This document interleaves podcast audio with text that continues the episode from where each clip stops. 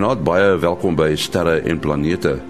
Ons uh, program is vanaand 'n bietjie korter, so ek gaan onmiddellik begin met nuus verskaf deur Herman Torin in Bloemfontein. Die oorblyfsels van 'n meteoriet met 'n heeltemal unieke samestelling is in 'n gruisgroef in Swede gevind. Die meteoriet wat so wat 8 cm in deursnee is, bevat hoë vlakke van iridium wat baie skaars op aarde is. Die neon-isotope is ook uniek. Deur moderne tegnologie is vasgestel hoe lank die meteoriet in die ruimte rondgetrek het voordat dit in die aarde vasgevlieg het. Navorsers van die Lund Universiteit in Swede glo hulle die eerste oorblyfsel gekry van die kleiner asteroïde wat meer as 500 miljoen jaar gelede tussen Mars en Jupiter teen 'n groter asteroïde gebots het. Talle dele van die groter asteroïde het so wat 470 miljoen jaar gelede op die aarde geval en staan as die L Chondrite bekend. Verlede jaar het navorsers van die Universiteit van Gothenburg, ook in Swede, aangekondig dat hulle die oorblyfsels ontdek het van twee oorblyfsels van dieselfde ruimtebotsing en wat die aarde presies gelyk getref het. Die twee stukke het die aarde 16 km uitmekaar getref en een krater van 7,5 km in deursnee en 'n tweede krater van 800 meter in deursnee veroorsaak. Dit was destyds in 'n vlakkerige see. Die water wat in die kraters teruggespoel het, se puin het identies dieselfde samestelling bevat.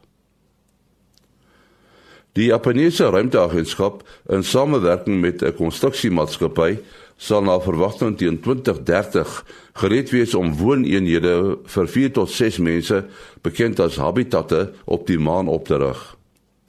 10 jaar later sal dieselfde op Mars kan gebeur. Die tegnologie om met min of geen werkers op veraf plekke strukture te kan oprig, is besig om vinnig te ontwikkel. En 3D-drukwerk speel 'n belangrike rol hierin. Japan met sy bevolking wat al ouer word, word genoodsaak om al meer geautomatiseerde tegnologie soos geautomatiseerde kruiptrekkers te ontwikkel. Die Japannese ruimteagentskap kyk nou na metodes om die tegnologie na die maan en Mars te kan neem. Tot sover dan ruimtenis wat uh, elke week vir ons geskryf word deur Herman Torin in Bloemfontein.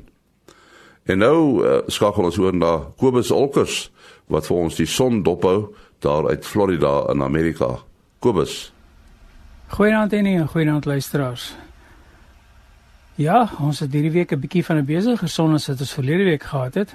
As ek nou so kyk, dan lyk dit vir my daar is 'n hele klomp uh aktiewe areas op die son, maar een van hulle is baie kompleks nie. As ek so vinnig kyk, sit ons met wat 1 2 3 4 5 6 7 van hulle.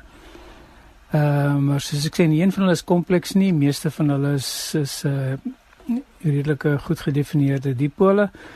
So ons gaan geen groot vakkels verwag vir hierdie week nie. Dan wat filamente aanbetref, het ons enetjie wat uh redelik groot is. Hy loop omtrent so 3 kwart oor die oppervlakte van die son.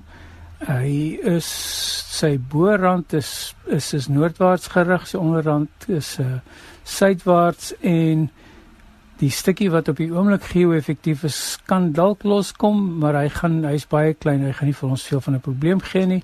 So wat filamente aanbetref, glo ek nie ook nie hierdie week enige probleme daar nie. Maar wat koronagate aanbetref, het ons so 'n hele string van hulle vier van die suidelike half uh, suidpool van die son af reg oor tot bokant uh seker omtrent tot so 30 grade noord.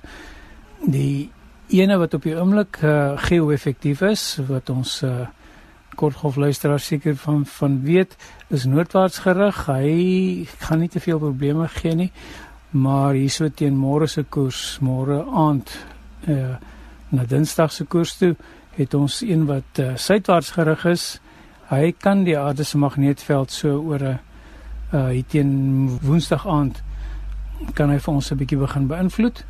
En as daar ene van enige tyd van Woensdag aand af enige ander onstabiliteit ontstaan, dan gaan hierdie korona gat ons help om om uh, om redelike probleme te hê. So ek sou sê hier na die einde van die week toe van donderdag se koers af, uh, wees maar versigtig, moet niemand blameer as iets nie meer so lekker werk nie. Maar verder is daar geen krisis aan die gang nie. Goeienaand. Dit was uh, Kobus Olkers in Florida, Amerika. Ons sê baie welkom aan uh, ons span. Dit is uh, professor Mati Hofman van die Universiteit van die Vrystaat, die Boden Sterrewag en die Digitale Planetarium en Willie Koorts van die SAAO. Iets wat ons nog oor moet praat, Willie, is die Surveyor 1 wat, wat uh, eintlik nou al baie lank daarbo is, nê? Nee?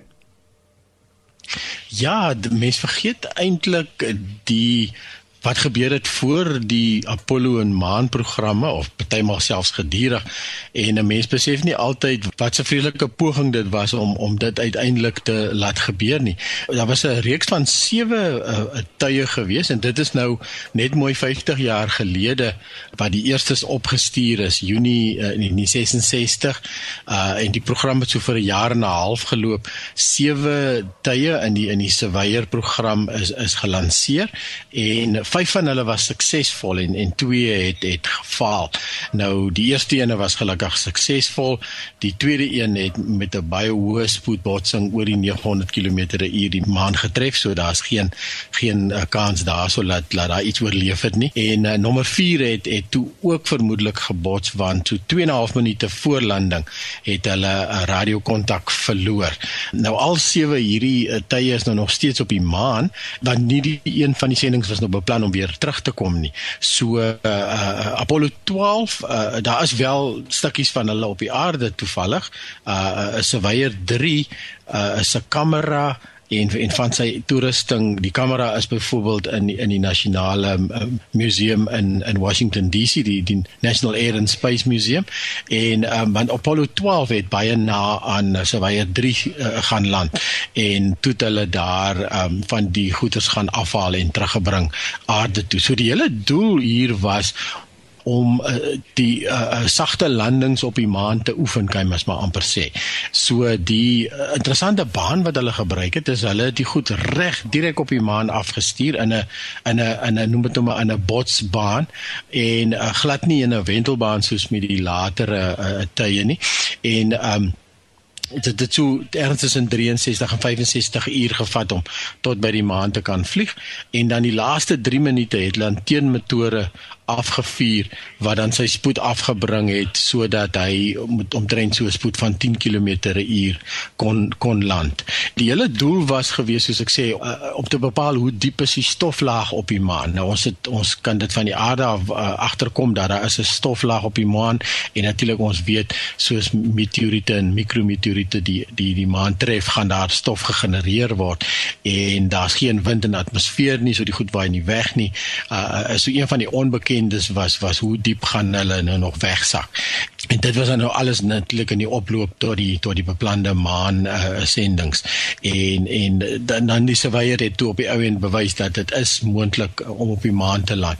Eintlik so 4 maande voor surveyor 1 het uh, die Russe weer eens die Amerikaners voorgespel bring en uh, Luna 9 het uh, toe 'n uh, uh, sagte landing op die maan uitgevoer en en toe was dit soort van al al bepaal gewees. Ehm um, die sendinge het natuurlik nou bietjie breër gegaan as net die landings. Dit was 'n toetsbed vir beheer stelsels wat outomatiese landings kan doen. Goed wat hulle later sou nodig hê.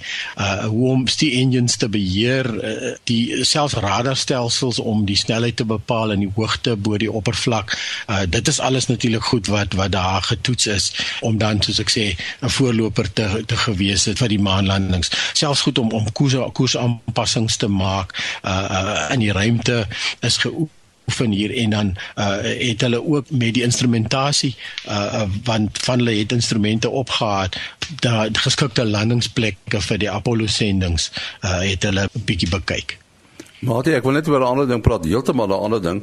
Hulle het nou daar geslaag om die eerste sogenaamde 3D gedrukte stuk gereedskap op die internasionale ruimtestasie te te maak.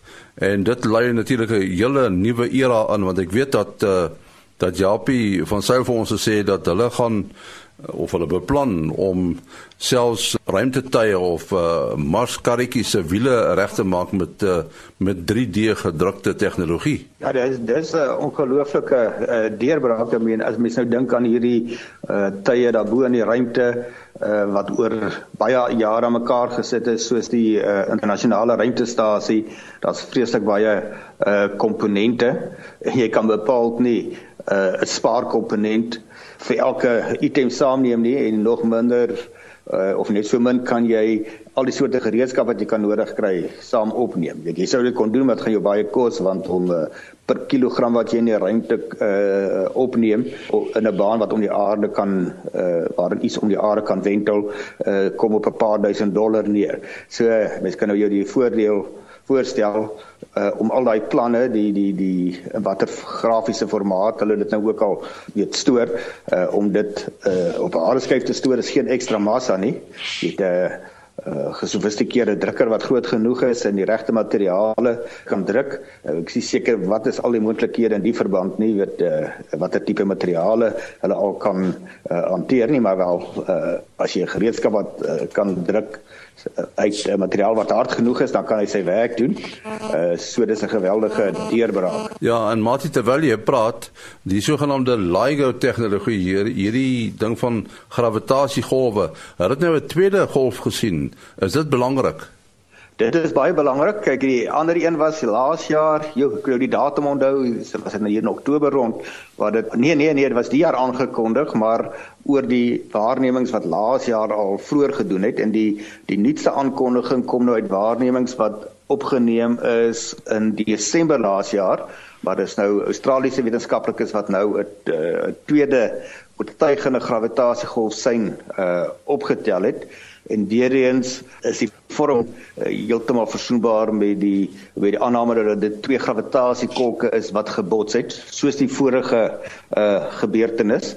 En uh, die die wetenskaplike wat eerste daarin geslaag het om hierdie te voorspel hoe hierdie syne behoort te lyk uh, Kip Thorne het nou 'n groot rol gespeel want die syne wat hy toe waargeneem het uh voldoen presies aan uh dit wat hy voorspel het wat dit dan baie oortuigend maak Uh as mens nou terugdink aan wat ons nou die vorige keer oor gesels het, dit is 'n geweldige klein effek wat waargeneem moet word uh op die twee LIGO arms waarin lasers nou 'n laser in twee opgedeel word en dan beweeg hy langs twee loodregte arms 'n paar kilometer ver en dan moet hulle 'n verandering in die relatiewe lengte van die twee arms van ongeveer 'n duisendste van die grootte van 'n atoomkern Uh, dit is ondenkbaar klein moet hulle kan meet. Maar hulle het daai tegnologie waar oor die laaste paar dekades het hulle dit sistematies al akkurater kan doen. En dan het hulle ook twee sulke stelsels die een in die staat Louisiana daar in die suide van die VSA en die ander een in die staat uh, Washington daar in die uh, noord uh, weste en uh, slegs die syne wat by al twee waargeneem word. Gelyk uh, wel feitelik gelyktydig daar's 'n bietjie 'n verskil as gevolg van die verskillende afstand vanuit die voorwerpe in die ruimte wat baie baie ligjare ver is. En daardie klein paar duisend kilometer verskil uh gee dan 'n klein verskil uh, in die orde van millisekondes in terme van wanneer dit waargeneem word die uh, gravitasiegolf en maar dieselfde sein word by al twee detektors waargeneem slegs dan kan jy aanvaar dit kom nou uit die ruimte uit en dis nie uh, sterings wat nou uit die omgewing uitkom nie. So dit is nou twee gravitasiegolf waarnemings in enkele maande. En dit is net enkele maande nadat die appelsensitiwiteit ontwikkel het om dit te kan doen. En dit suggereer al dat dit nie 'n baie skaars verskynsel is nie. As jy so gou nadat jou apparaat in staat is om iets waar te neem, dit waar te neem, dan kan jy vol vertroue wees dat dit 'n dat daar 'n redelike produktiewe era voorlê vir die waarneming van gravitasiegolwe. Ja, ons program is uh, vanaand nou effe korter. Uh jou besonderhede, Mati? Uh en ja, selfoonnommer 083 625 7154. 083 625 7154. En jou nou wil?